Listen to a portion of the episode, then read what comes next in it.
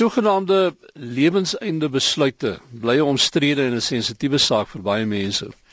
Daar was uiteenlopende reaksie op die onlangse geval waar die Kaapse professor Shaun Davison huisaanhouding in Nieu-Seeland moes uitdien na hy erken het dat hy sy terminaalsieke moeder, 'n mediese dokter, op haar eie versoek gehelp het om te sterf.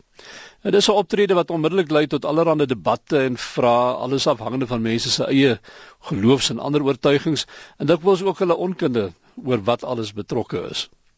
Die organisasie Dignity SA ywer om vir onder meer groter seggenskap deur sterwendes in hoe hulle hulle einde tegemoet gaan. Die mede-stigter van Dignity SA is die uitvoerende direkteur van die Etiek Instituut, dis Dr Willem Landman. Willem, môre. Môre Kobus. Jy het nou ook pas self 'n dokument uitgegee, sogenaamde position paper. Uh, vertel ons gee ons net die agtergrond eers. Kobus, die, die laat ek dit so stel, die storie soos die van Sean Davison en en talle mense wat familielede in situasies uh bevind waar hulle jy weet in groot pyn en lyding sterf, is is die een kant van die saak. Aan die ander wyse daar's persoonlike stories, persoonlike verhale. Aan die ander kant is daar argumente ehm um, uh rasionele argumente, etiese argumente en ook uh regsargumente, grondwetlike argumente. Hmm. So my uh, noem dit dan my position paper, my my werkstuk is daarop uh toegespits dat daardie argumente uh gestel word rondom hierdie verskillende praktyke rondom die einde van die lewe. Dis uiteenlopende goed hierdie nê nee, want dit gaan nie net oor aktiewe ehm um, genade dood waaroor baie mense nou uh praat nie, maar dit gaan ook net oor die reg van iemand om nie pyn te hê aan die einde van sy lewe nie en allerlei soortgelyke goed. A, absoluut. Uh, ek het vier hoofpraktyke geïdentifiseer wat uh, besluite rondom hierdie uh, rondom die einde van die lewe raak. En die eerste een is pynbestuur of pynbeheer. En van die navorsing, jy wil miskien daarna toe terugkom, wys hmm. dat dokters uh, onderbestuur pyn vir verskillende redes. En, en die tweede sou wees net om gewone natuurlike dood te sterf dat ehm um, dat mediese hulp die of weerhou word of onttrek word nadat dit reeds begin het. Die die derde uh, is wat ek kan noem uh, toekomsgerigte opdragte, die die sogenaamde lewende testament en dan om of om vir iemand volmag te gee om besluite namens jou te neem. En die vierde is die mees kontroversiële, die mees uh, sensasionele dan wat ons uh sterwensbystand in die nou sin van die woord bedoel en dit is dan wat tradisioneel genoem word uh aktiewe genade dood of uh hulpverlening by met hmm. met uh, tydens selfmoord. So dis vier praktyke wat ek net noem. Al vier hierdie praktyke is op een of ander wyse aangespreek in die konsepwetgewing in uh, 1999 deur die Regshervormingskommissie. 'n uh, uh, konsepwetgewing wat toe eintlik nooit uh, gedien het in die parlement nie. Hoekom nie? Uh, Kobus, daar's spekulasie daaroor vir jare het uh, joernaliste my gevra wat aangaan. Dis sê ek maar julle moet vir uh, Dr. Mantu Chabalala in Simang se kantoor bel of haar vra. En die boodskap wat ons gekry het was dat sy dink dit is medisyne vir rykes, vir welgesteldes en dat sy nie daaraan gaan aandag gee nie.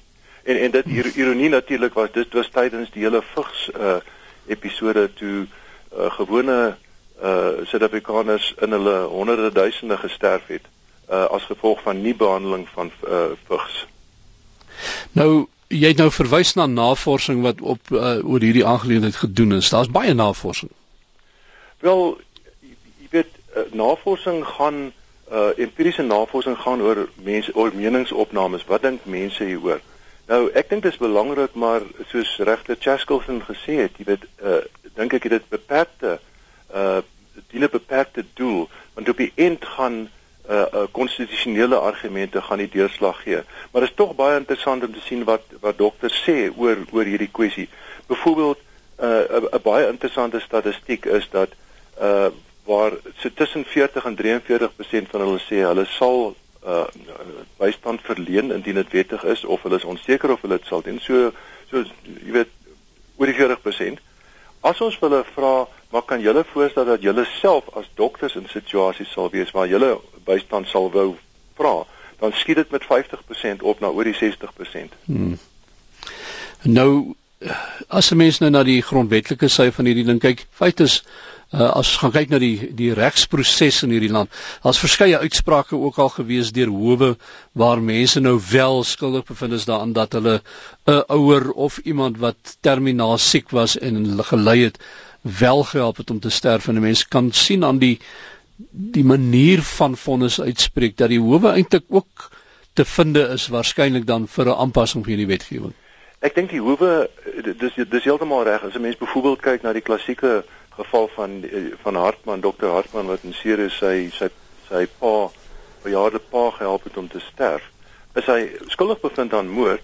Uh, heeltemal korrek in terme van die reg maar hy's gefonnis tot die verdaging van die hof. Met ander woorde, uh, jy weet hy moes 'n vonnis indien te uh, uitdien terwyl die regter nog in die hof was, maar die res van die vonnis is opgeskort uh nadat die regter die hof verlaat het. So dit dui daarop dat die kategorieë wat ons het uh moord en 'n uh, poging tot moord en so voort nie uh bevoeg is om om hierdie uh, uh sterwe in in in lewens uh, weet in sterwensnood te hanteer nie. Hmm. Ehm um, en dan natuurlik uh, behalwe die behalwe die hofuitsprake in die gemeenereg ehm um, uh, is daar natuurlik wat sal die grondwet sê en daar is baie baie interessante argumente. Nou waar hak hierdie ding vas Willem? Wie wie is dit wat uh, vasskop en wat 'n probleem het met aanpassing van wetgewing met die toepassing van hierdie basiese beginsels? Kobus is 'n baie interessante vraag want mense sou dink dat sê net maar ons haal net hierdie mees kontroversiële aspekte soos soos genade dood en bystandverlening met selfmoord uit. Hoekom sou iemand nie wetgewing wou wou deurvoer net om hierdie ander aspekte soos pynbestuur en weerhouding en onttrekking van van uh, lewensondersteunende behandeling uh, in wetgewing vas te vat nie?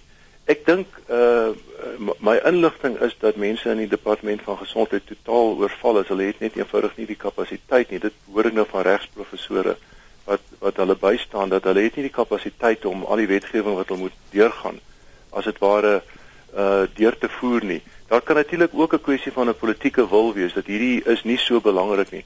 Maar dit is heel ironies, jy weet dat ons nie hierdie hierdie kwessie aanspreek nie terwyl as dit gaan om lewens wat uh, verlore gaan, uh, is ons is ons ehm um, weet publieke of openbare gesondheidsorg sodanig dat mense eenvoudig weggewys word of al kom hulle in openbare hospitale, dan kry hulle nie die nodige behandeling en daar sterf hulle in groot getalle waar hulle andersins met beter behandeling langer sou geleef het. Hmm. Die uh, besluit om te kan sterf moet tog sekerlik as 'n mens daarna kyk jou grootste grondwetlike reg kon 'n sekere sin wees wanneer jy daardie stadium van jou lewe bereik het dat dat daar geen ander vooruitsigte is nie. Absoluut. Kyk, ons het natuurlik 'n grond grondwetlike reg uh, op lewe. Nou die die die interessante daar is dat dit is nie daar is nie 'n verpligting om te lewe nie. Gegee ook dat die dat jy weet dat die lewe het 'n norm, verloop 'n normale proses en dat party van ons sal 'n natuurlike dood sterf as ons nie gewelddadig sterf nie ons weet nie hoe daai natuurlike dood gaan wees nie en of of dit 'n groot pyn en lyding gaan wees en of dit oor 'n lang tydperk gaan wees nie. Nou mense sou dink dat as jou lewe uh, sy normale gang gaan en hy's naby sy einde dat dat en, en ons help mense met pyn en lyding dwars deur hulle lewe dat ons in daardie laaste oomblikke of of of ure of weke ook iemand uh, iemand sou help. So dit is uh, jy weet dit is dis dis baie snaaks dat ons weet dat ons weg wegskram van daardie uh hulpverlening teen teen die einde en daar's geen verpligting om te lewe nie. En uh, as ek net kan byvoeg, ehm um, hierdie reg op lewe is natuurlik getoets met die aborsiewetgewing. Uh en en daar is gevind dat aborsie beperk nie die reg op lewe sodanig dat dit on, ongrondwetlik gaan wees nie. En die presiese analoge geval behoort te wees wat van die einde van die lewe is daardie hulpverlening wat die lewe daar uh, miskien marginaal verkort. Dit is nie uh, iets wat die reg op op lewe gaan ophef nie. Die ander probleem natuurlik dat uh, ons al gevind het dat dokters ook dikwels dokters is ingestel om lewe te behou om te veg om iemand aan die lewe te hou en uh, vir baie dokters gaan dit is dit al vreemd half on, onaanvaarbaar wil ek sê om na die ander kant oor te stap en sê maar ek kan ook lewe beëindig. En 'n mens kan dit verstaan dat dat dat dokters uh, in die eerste plek vir hulle gaan dit om om behoud van die lewe om uh die vermindering van pyn om die herstel van pasiënte maar die die, die die feit is net dat die lewe het 'n normale gang soos ek gesê het en daar kom 'n tyd wat die dokter se verpligting kan nie meer wees om die lewe te verleng nie want dit is onmoontlik om dit om dit te ver, eh, te verleng. Die baie interessante geval, jy weet ek kry versoeke van opinies vir opinies van ehm um, jy weet van instansies wat wat befondsing verskaf aan aan mense gesondheidsorg eh, befondsing. En ek vind wat is eintlik eintlik ontstellend dat in hoë sorgeenhede lê pasiënte. Ek het onlangs met een geval te doen gehad wat meer as 2 amper 3 jaar in 'n hoë sorgeenheid lê in Johannesburg. En die die pasiënt is vir alle praktiese doeleindes non-compos-mentis maar kry ehm um, spesialistbehandeling deur drie spesialiste elke dag besoek en uh, is in 'n hoë sorgbed en so voort. En dan is daar nou minder dramatiese gevalle van iemand wat wat uh, in 'n vegetatiewe toestand as al is vir 6 maande en die dokter sê daar is hoop, hulle sê vir die familie daar's hoop. Nou ek dink dit is dit is gans onbetaamlik om so iets te doen. Jy persoonlik Willem, hoe hoe voel jy oor hierdie saak? Is dit iets wat uh, jou al in jou lewe geraak het? Kobus uh, in my ma se geval was dit maar bloot eh, 'n uh, geval van die onttrekking van uh lewensondersteunende masjinerie. Maar jy weet dit was dit dit dit was die logiese ding om te doen. So dit was nie 'n kwessie van genade dood nie, maar ek het ek het wel vriende wie se wie se familie ehm um, jy weet aktiewe genade dood nodig gehad het en ek het werklik baie simpatie daarmee. Ons weet nie hoe ons gaan sterf nie. Uh, ek ek hoop net dat uh, as ek 'n stadium bereik dat my lewe jy weet sy kringloop geloop het en dat dit die einde is dat dat die mense naaste aan my sal besef ehm uh, uh, ek is ek is gereed om te gaan. Ek het uh, moenie mo ek het nie nodig om nog 2 weke lank uh, weet my lewe uitgereik te hê nie. Hmm. Wat lê nou vir Dignity SA voor? Wat wat is julle volgende stap?